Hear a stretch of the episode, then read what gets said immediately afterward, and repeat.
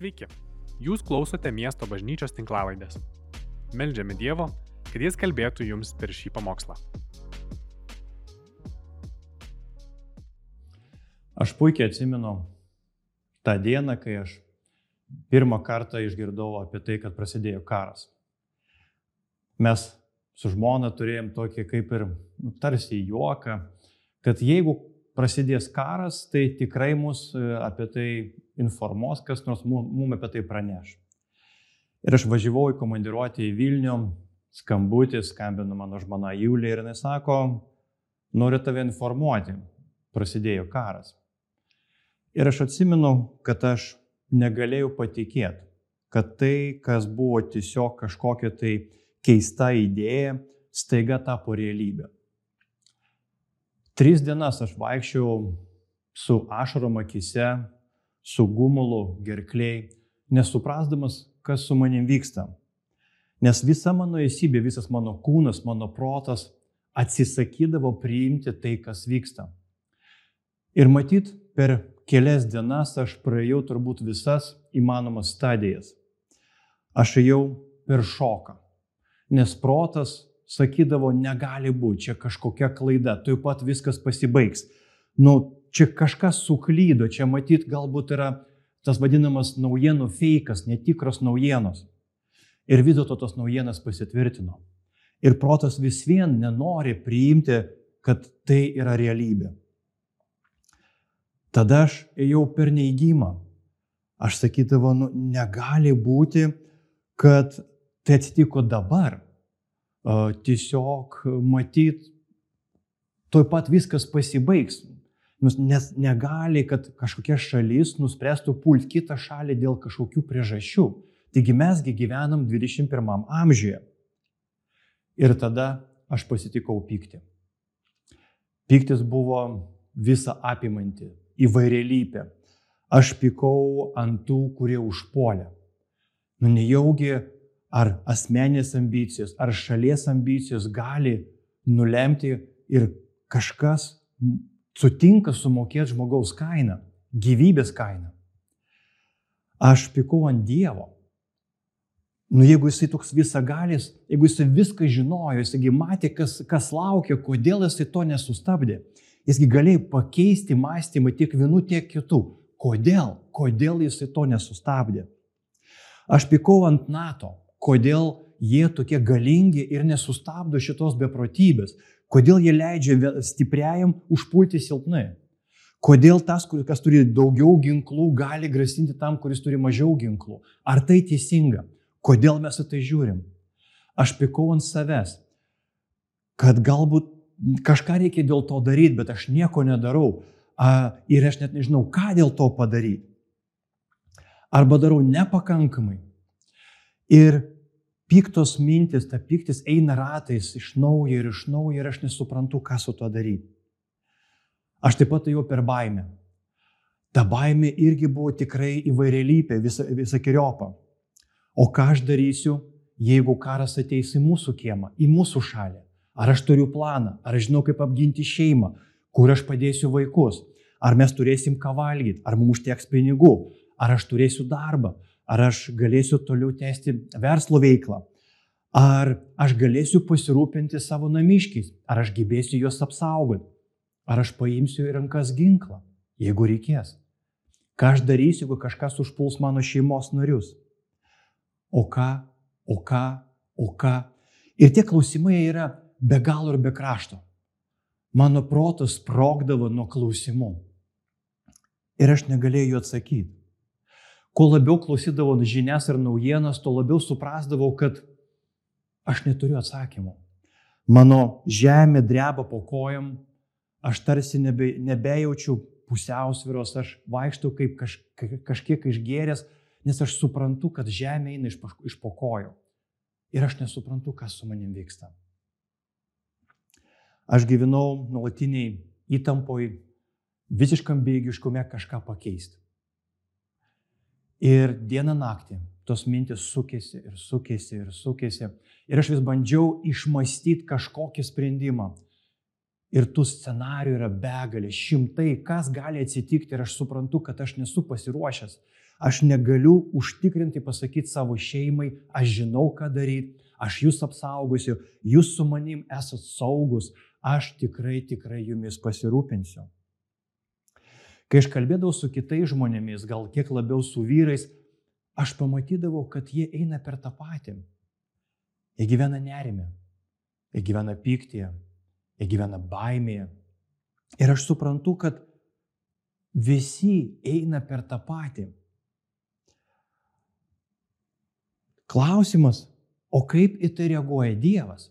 Nes jeigu vyksta tokie baisus dalykai, jeigu mes žmonės taip reaguojam, o ką apie tai galvoja Dievas? Ir svarstydamas ir galvodamas apie tai, skaitydamas šventą raštą, aš pradėjau suprasti, kad tai, per ką mes einam, nauja yra tik mum.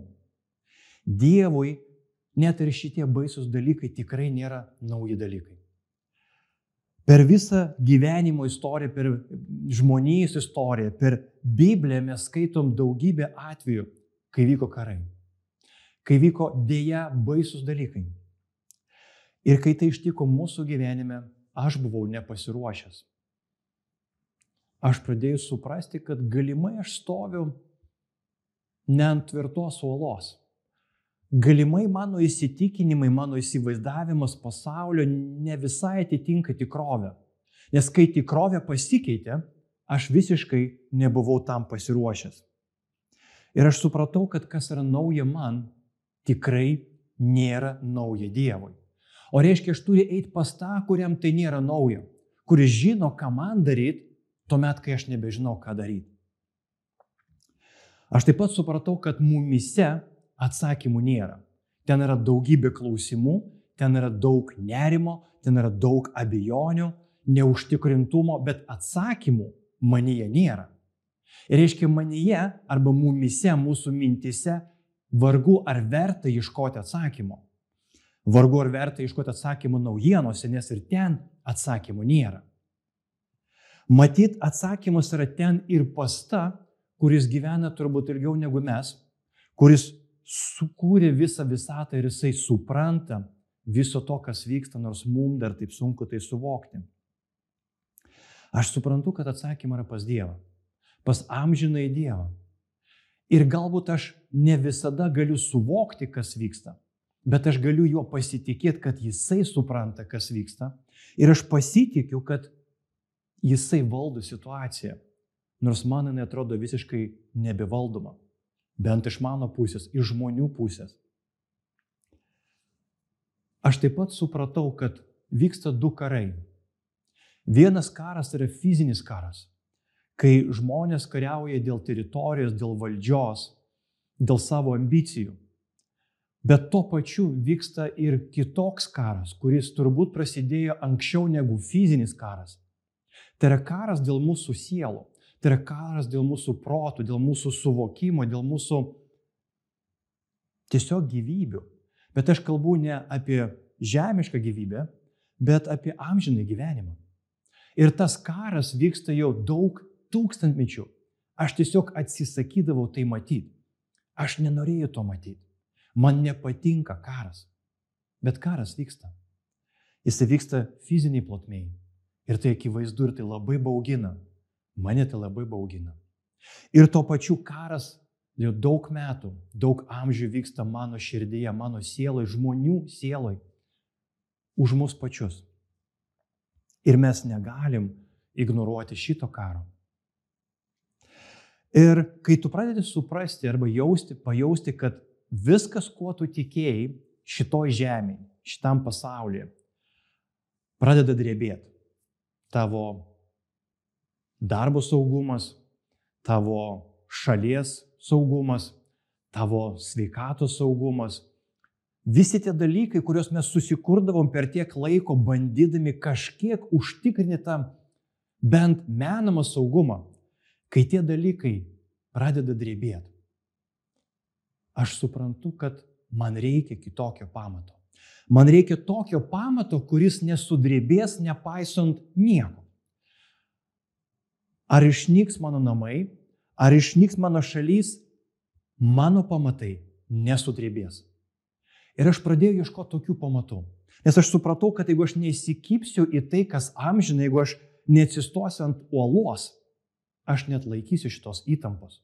Jis tiesiog mane nugalės, o reiškia, bent dvasinis karas jau bus laimėtas. Bet aš nenoriu pasiduoti. Ir mums žmonėms dažnai patinka skaityti Bibliją. Mums dar labiau patinka skaityti Biblijos istorijas. Bėda tame, mėlyjei, kad mes nenorim būti Biblijos istorija. Brangiai, mes jau esam istorija. Klausimas ne tame, ar mes esam, klausimas, ką apie mus parašys ateities istorikai, nes istorija jau vyksta. Mes jau dabar esam istorijos dalis. Klausimas, kaip mes per tai eisim, kokie mes išeisim, kas pasikeis mumise, ką mes darysim su tuo, kas vyksta mumise ir už mūsų ribų. Kaip mes eisim per visišką neužtikrintumą. Ar su pasitikėjimu ir tikėjimu, ar su baime ir pasimetimu. Ar mes imsimės kažkokių veiksmų, nepaisant to, kad nežinom, ką daryti arba bijom, bet einam ir tikėjimu darom, ar mes užsidarom, mes galvojam apie pabėgimą, pabėgimą nuo savęs, nuo savo baimių, nuo savo neužtikrintumo, kažkur, kur galbūt saugu. Kaip kažkada mes skaitėm šventajame rašte, kaip žydai taip svajodavo pabėgti į Egiptą. Nes jiem atrodė, kad ten buvo taip saugu, nesvarbu, kaip blogai ten buvo saugu ir stabilu. Taip kartais ir mes pagalvojam, o kur aš galiu pabėgti? Gal ten biški blogiau, bet ten yra saugu. Ir aš manau, atėjo laikas savo atsakyti klausimą, o kur iš tikrųjų yra saugu? Ir saugu yra ant uolos. Noriu pacituoti šventąjį raštą, paskaityti iš Mato Evangelijos. Iš 7 skyriaus 24-27 eilutė, kur Jėzus kalba apie tai, kad kiekvieno iš mūsų tikėjimas anksčiau ar vėliau bus sudrebintas. Kitaip tariant, nesvarbu, kur tu gyveni. Ar tu gyveni Lietuvoje, ar Ukrainoje, ar Amerikoje, ar Naujojo Zelandijoje, galbūt Australijoje, galbūt Šiaurės ašigalė. Nėra tokios vietos Žemėje arba visatoje, kur anksčiau ar vėliau tavo tikėjimas nebūtų sudrebintas tam tikrų aplinkybių. Ir būtent kai vyksta tikėjimų sudrebinimas, tada pasimato, ant ko tu ir aš stovim.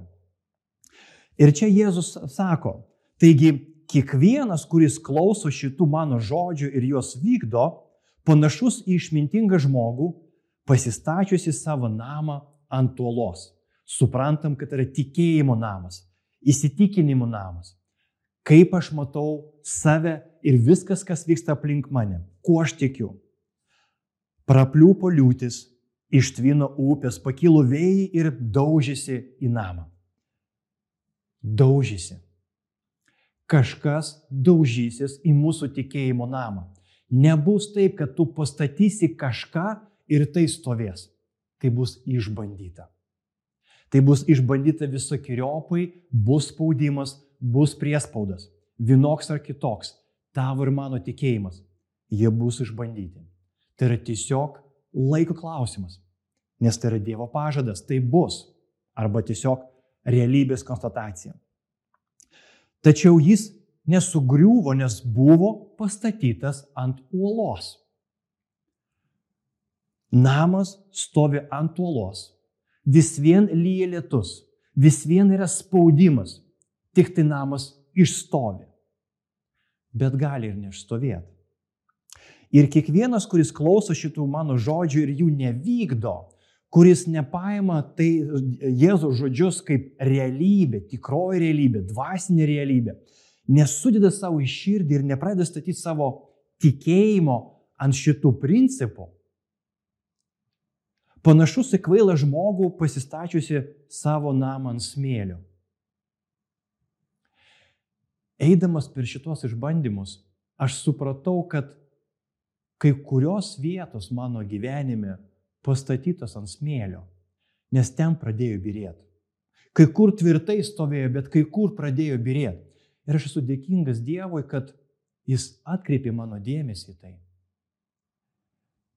Jis leido man pamatyti, kur mano tikėjimas yra netikras, kuris yra, kaip sako dabar apie naujienas, feikinis. Jis yra menamas. Aš manau, kad aš tikiu, bet iš tikrųjų aš tiesiog bandžiau savo atrasti ramybę visai kitose dalykuose. Aš bandžiau pakeisti amžinus dalykus neamžinais dalykais, nes jie mane labiau džiugina, jie mane kažkiek labiau ramina, labiau apčiuopiami. Ir aš pradėjau keisti tai, kas amžinai, tai, kas laikina. Ir prapliūpo liūtis, ištvino upės, pakilo vėjai ir daužėsi į tą namą. Kaip ir šiandien realybė daužėsi į mano namą, į tavo namą, tavo tikėjimo, įsitikinimų, principų namą. Ir tavo ir mano tikėjimas bus patikrintas. Nes karas vyksta ne tik tai fiziniai plotmiai. Karas vyksta mūsų širdise, mūsų galvose, dėl mūsų amžinojo gyvenimo, dėl mūsų tikėjimo, dėl mūsų ištikimybės. Ir jis sugriuvo tas namas, mes skaitom, ir jo griuvimas buvo smarkus. Turbūt nėra nieko baisesnio negu tikėjimo griuvimas. Ir jeigu mes statom savo tikėjimą ant laikinų dalykų, kai praplius liūtis ir atsirastas spaudimas, tikėjimas gali net laikyti. Ir aš žinau, net kai namas griūna, Dievas visada gali ir nori būti šalia mane palaikyti, bet aš turiu priimti tai kaip realybę. Mano tikėjimas bus išbandytas. Tai nėra, nėra klausimas, ar bus išbandytas, klausimas, kada bus išbandytas. Ir būkim jautrus ir dėkingi Dievui, kad Jisai išbando mūsų tikėjimą, nes kur kas daugiau geriau dabar jį išbandyti, negu kai jūs kirsim tą finišo tiesiai ir mes jų nieko nebegalėsim pakeisti. Taigi pirmą, ką aš turiu savo atsakyti ir priimti kaip naują realybę arba seną realybę, kurios aš galbūt nenorėjau priimti, kad mano tikėjimas bus ir yra išbandomas. Ir tame irgi yra Dievo valia. Ir tai yra mano atsakomybė - ištirti savo tikėjimą, išpažinti savo nuodėmę, išpažinti savo netikėjimą, tas vietas, kur aš suabejoju Dievo, Dievo visą, galybę, Dievo gebėjimą valdyti situaciją, net kai jinai man atrodo nevaldoma. Ir mano baime yra mano menko tikėjimo išaiška. Taip tai yra žmogiška bijot. Bet aš bijau dėl to, kad vis dėlto abejojau, kad Dievas gali manim pasirūpinti. Taip, kaip aš norėčiau, kad Jisai manim pasirūpintų, mano namiškiais, mano šalim, mano kiemo, mano kaimynais. Aš vis dėlto abejoju. Nes jeigu aš neabejočiau, ar iš tikrųjų aš gyvenčiau tokioj baimiai. Ir kai tu priimi realybę, kai išpažįsti savo netikėjimą, kai parklupi prieš, pas, prieš Jėzų ir prašai sustiprink mano tikėjimą, pradedi pajausti, kaip baime mažėja, o tikėjimas didėja. Aplinkybės nepasikeitė, jos tokios pat baisios. Daug neteisybės. Taip neturi būti. Bet aš suprantu, kad tuo pačiu neturi būti, kad mano tikėjimas taip stipriai priklauso nuo aplinkybių. Ir taip mažai kartais nuo Dievo ištikimybės nuo to, ką man pasakė Jėzus, ką jisai pažadėjo. Kad niekas negalės išplėšti manęs iš jo rankų. Aš taip pat supratau, kad aš turiu permastyti, kas yra valdžia. Nes aš esu įpratęs, kad nu, šit, šitoj žemėje, šitoj visatoj yra valdžia. Yra vyriausybė, yra policija, yra teismai, yra tie, kurie gali pareikalauti kažką iš manęs. Yra kariuomenė, kuri turi valdžią apginti. Pasaulyje yra valdžia. Bet aš pamiršau, kieno rankose yra tikroji valdžia. Begalinė valdžia. Nes kiek bebūtų, bebūtų stiprus žemės valdytojas, jis yra ribotas. Jo valdžia yra ribota. Dievo valdžia yra beribė. Ir kartais man taip sunku to patikėti ir aš pamiršau, kaip Dievas sutvėrė visatą. Ir aš atsiminiau Jėzaus pokalbį su pilotu kai visatos kuriejas, Dievo sūnus stovi prieš žemės valdytoją. Jis apačioj, pilotas ant sosto, gal ant kėdės, bet pakiloj. Jausdamas visą valdžią daryti viską, kalbasi su Jėzumi ir sako jam. Tada pilotas jam tarė, mes skaitom iš Jono Evangelijos 19 skyrius 10, 12, 11 eilutės. Tada pilotas jam tarė, tu nekalbi su manim, ar nežinai, kad turiu valdžią tave nukryžiuoti ir turiu valdžią tave paleisti. Aš turiu valdžią. Jis mane, kad jis turi valdžią. Kiek daug šiandien valdininkų mano, kad jie turi valdžią. Ir kaip jis markiai klysta. Jie turi laikiną valdžią, kurią neteisingai panaudoja. Bet tai nesumenkina Dievo valdžios. Ir Jėzus jam atsakė, tu neturėtum prieš mane jokios valdžios, jeigu tau nebūtų jos duota iš aukštybių. Virš bent kokios žemiškos valdžios stovi dieviška valdžia. Ir taip man sunku suvokti tai, nes žemiška valdžia, kuri man grasina, aš matau. Jis mane skriaudžia, mano artimuosius. Jis atneša skausmą mano gyvenimą. Aš jos bijau. Ir Dievo valdžios aš galbūt taip paprastai nematau. Ir net Jėzus atveju jis buvo nuskriaustas, pilotas valdžios šviesoje turintis vienu piršto pajudėjimu teisę nukryžiuoti arba paleisti. Ir net pilotas buvo apsvaigęs nuo savo valdžios. Ir mane žavi, kaip kokį suvokimą valdžios turėjo Jėzus. Suvokdamas, kad rytoj poryt jį gali nukryžiuoti, iš jo gali atimti gyvybę, Bet jis supranta, kad yra dar didesnė valdžia, kuri geba prikelti iš numirusių, kuri geba suteikti amžinai gyvenimą ir niekas, niekas negali to atimti. Ir tai yra valdžia, kuri pranoksta bent kokią žemišką valdžią. Ir kiek besvaigtų žemės valdytojas, jis neturės tos valdžios, tos tikrosios valdžios. Ir aš norėčiau, brangiai, tikėti kaip Jėzus. Aš noriu, kad mūsų malda būtų Jėzau, padėk mum, o taip suvokti tavo valdžią. Nes tu nugalėjai mirti, tu nugalėjai žemės valdžią, tu jau esi visatos karalius. Ir taip galbūt aš nukentėsiu šitoj žemėje. Ir galbūt kažkas žemėje turi valdžią atimti mano gyvybę bet jis neturi teisės ir valdžios atimti mano amžinąją gyvenimą. Ir aš noriu ant šito tikėjimo stovėti. Aš noriu stovėti ant tikrų amžinųjų dalykų, kurie nedrėba ir nesudrėba tik dėl to, kad kažkas vyksta ne taip, kaip aš norėčiau. Nes aš noriu taikos, aš noriu ramybės, aš noriu klėstėjimo.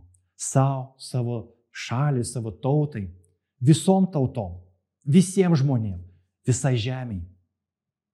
Ir aš suprantu, kad dėl mūsų nuodėmingumo žemė taip nėra. Tačiau nepaisant to, visa valdžia priklauso Dievui.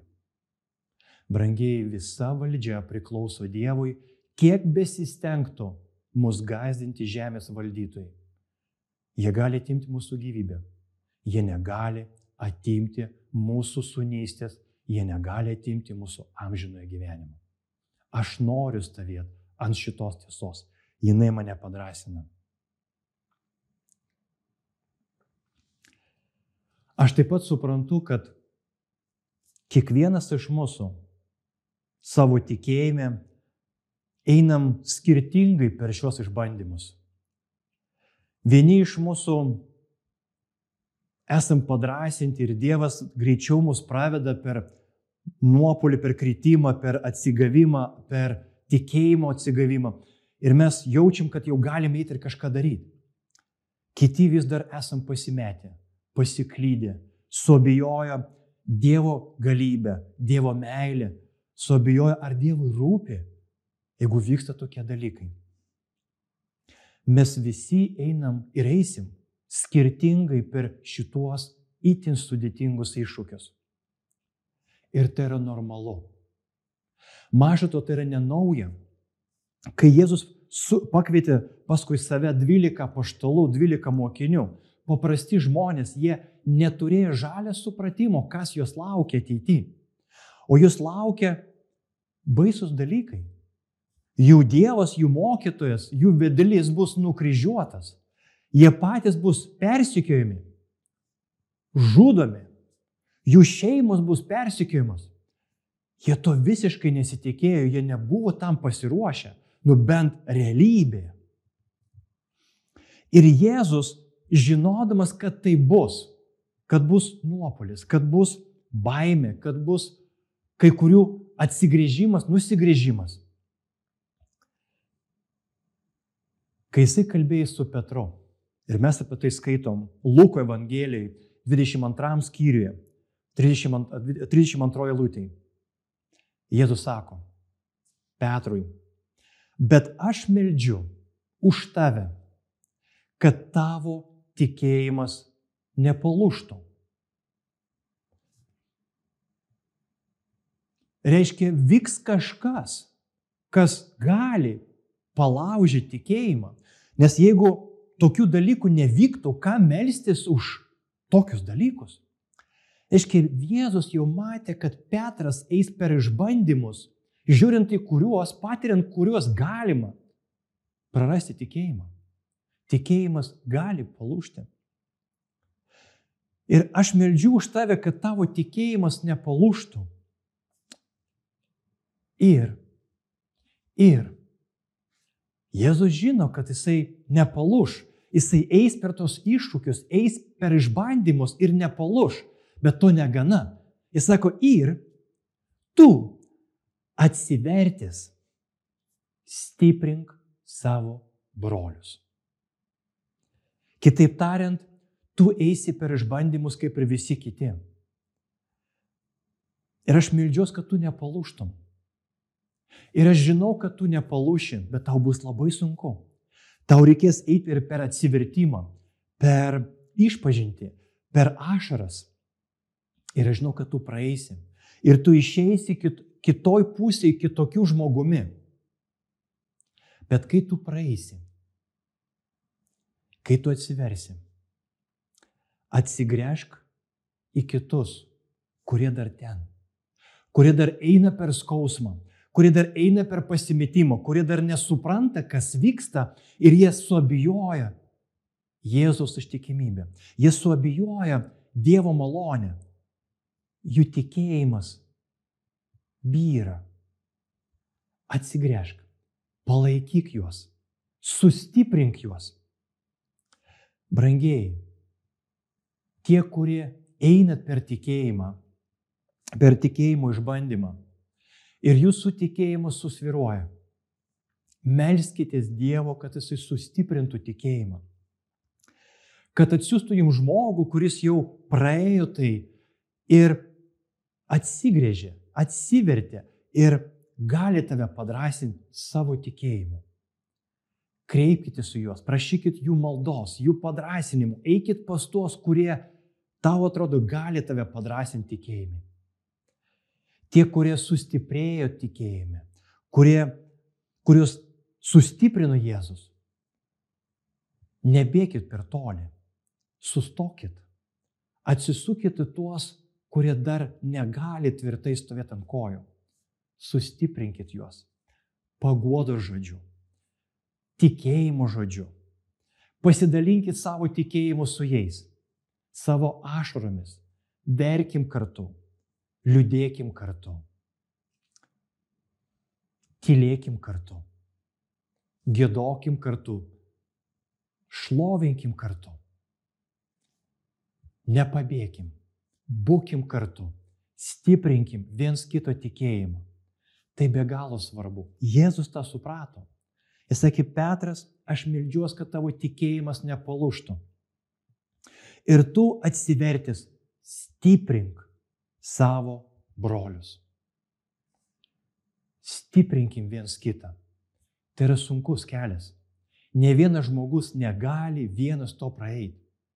Mes esame reikalingi viens kitam. Saugokim savo tikėjimą. Stiprinkim jį. Melskime, kad Dievas savo malonę sustiprintų mūsų tikėjimą. Jeigu jisai dreba, išpažink tai. Nebėg nuo to. Nes Jėzui svarbu, kaip tu praeisi per visą tai. Jiem rūpi tavo širdis, jiem rūpi tavo tikėjimas, mano tikėjimas. Ir palaikykim viens kitą, atsigręžkim viens į kitą, atsisukim viens į kitą. Būkim vieni su kitais. Ieškokim tų galimybių būti, melstis, dėkoti, verkti, liūdėti, džiaugtis. Džiaugtis, jeigu Dievas duoda džiaugsmo.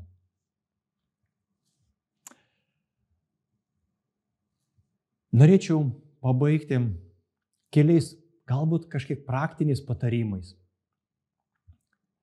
Prie viso to, kad mums tikrai verta suvokti, kieno rankos yra valdžia. Be viso to, kad mums svarbu suprasti, kad mūsų tikėjimas bus išbandytas ir bus išbandomas.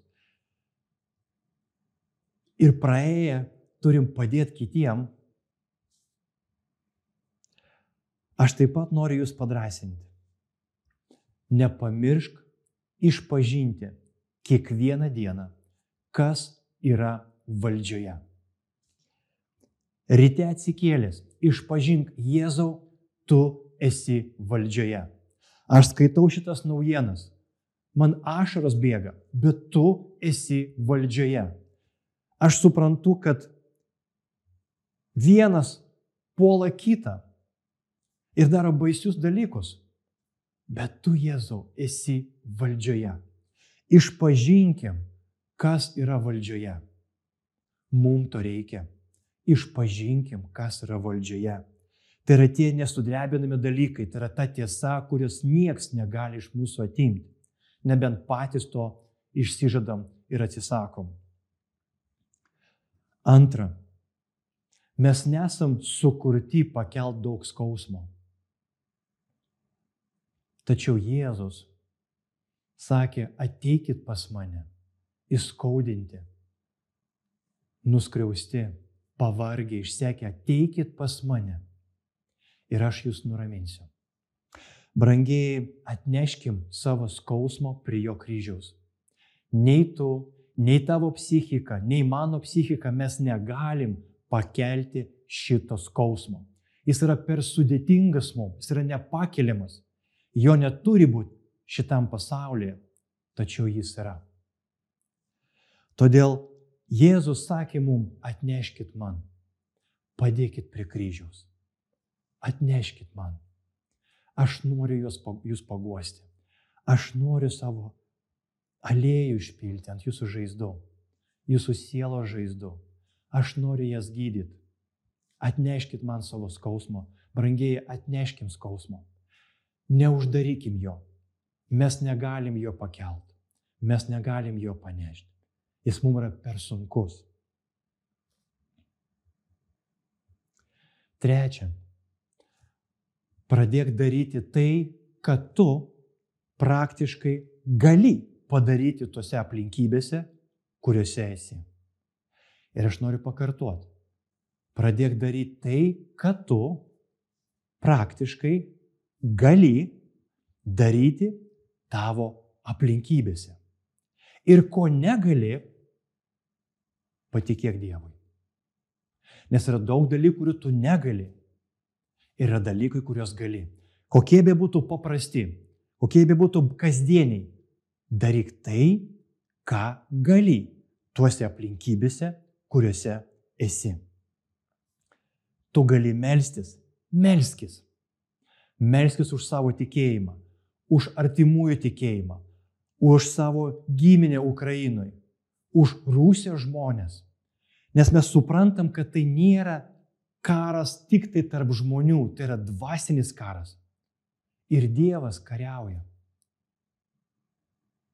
Dievas kariauja kartu su mumis. Dėl mūsų, dėl visų žmonių. Jei gali, paskambink draugui, artimui, broliui tikėjimi, su tikslu padrasinti tikėjime, galbūt išklausyti, galbūt paguosti. Padovanok tiesiog dėmesio dovaną. Galbūt paklausyti kažkino skausmą visą valandą. Tai yra tikrai didelis darbas. Klausyti visą valandą, gal dvi. Bet tai yra dovana. Dėmesio išklausimo dovana, padovanok.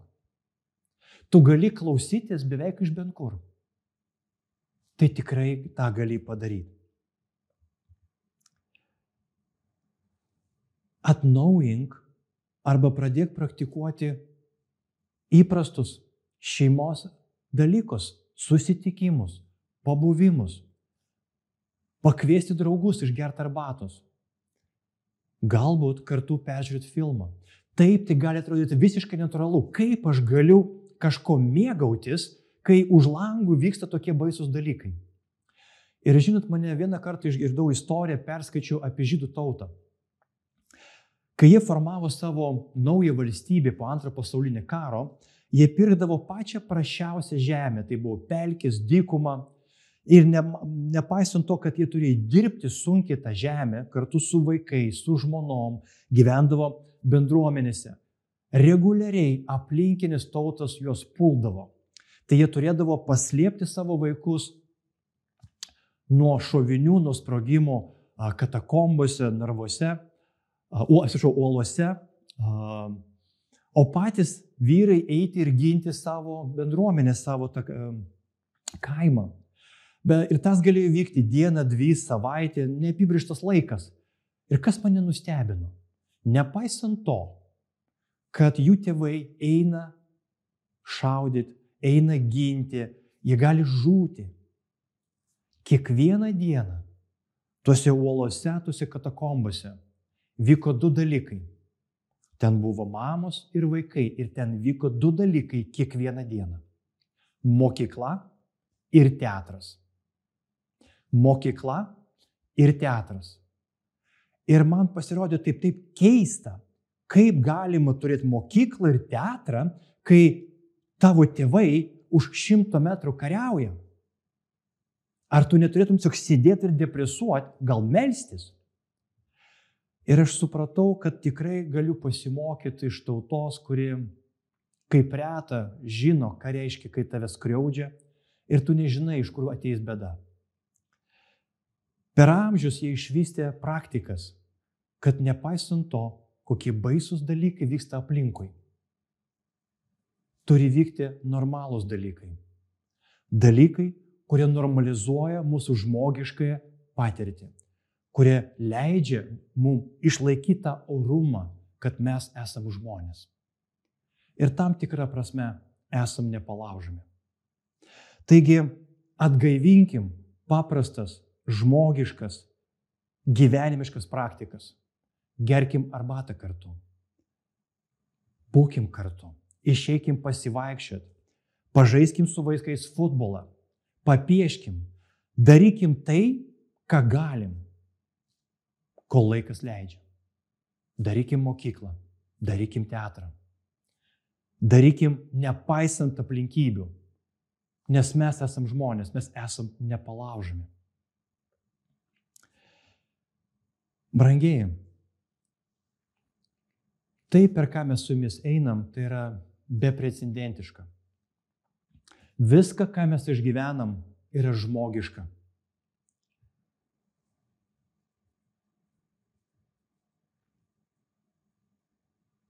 Tam tikrą prasme aš esu dėkingas Dievui už tai, kad Jisai parodė, kiek, sikli, kiek siklus mano tikėjimas. Kai kuriuose vietose. Kiek yra dalykų, kurie stovi ne ant uolos, bet stovi ant smėlio ir pradėjo drebėti. Kiek kaip lengva man išsigasti ir pamiršti, kieno rankose valdžia. Prisiminkim, kieno rankose yra valdžia. Nes Jėzus mums pažadėjo, niekas negalės išplėšyti jūsų, mane, mūsų iš jo rankų. Jisai amžinai laikomus savo rankose. Ir nei žemė, nei dangus, nei laikas, nei žemės valdytojai negalės, negebės išplėšyti mūsų iš mūsų Jėzaus rankų. Laikykime šito. Viešpatė, ačiū tau už tai, kad valdžioje, kad valdžia yra tavo rankose. Viešpatė, aš prašau, sustiprink mūsų tikėjimą. Aš prašau viešpatį palaimink Ukrainos tautą. Viešpatė, aš prašau palaimink ir Rusijos tautą. Palaimink Lietuvą. Palaimink visus žmonės, net ir tuos, kurie pamiršo, ką reiškia būti žmogumi. Viešpatė, aš prašau, atverk akis. Sugriauk sienas viešpatė. Neleisk piktajam pastatyti sienas tarp tautų, tarp žmonių, tarp šeimos narių. Viešpati, greuk, greuk sienas mūsų širdyje, greuk sienas tarp mūsų tautų. Ir viešpati savo skausmą, savo pyktį, savo nepykantą, savo pasimetimą mes atnešam prie tavo kojų. Nes mes negalim pakelt.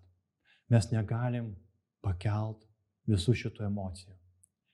Viešpatė, pasikliaujam tavim ir tikim, kad nieks negali išplėšyti mūsų iš tavo rankų. Amen. Ačiū, kad klausėte. Daugiau informacijos rasite mūsų svetainėje miestobažnyčia.lt arba Facebook, Instagram ir YouTube paskiruose.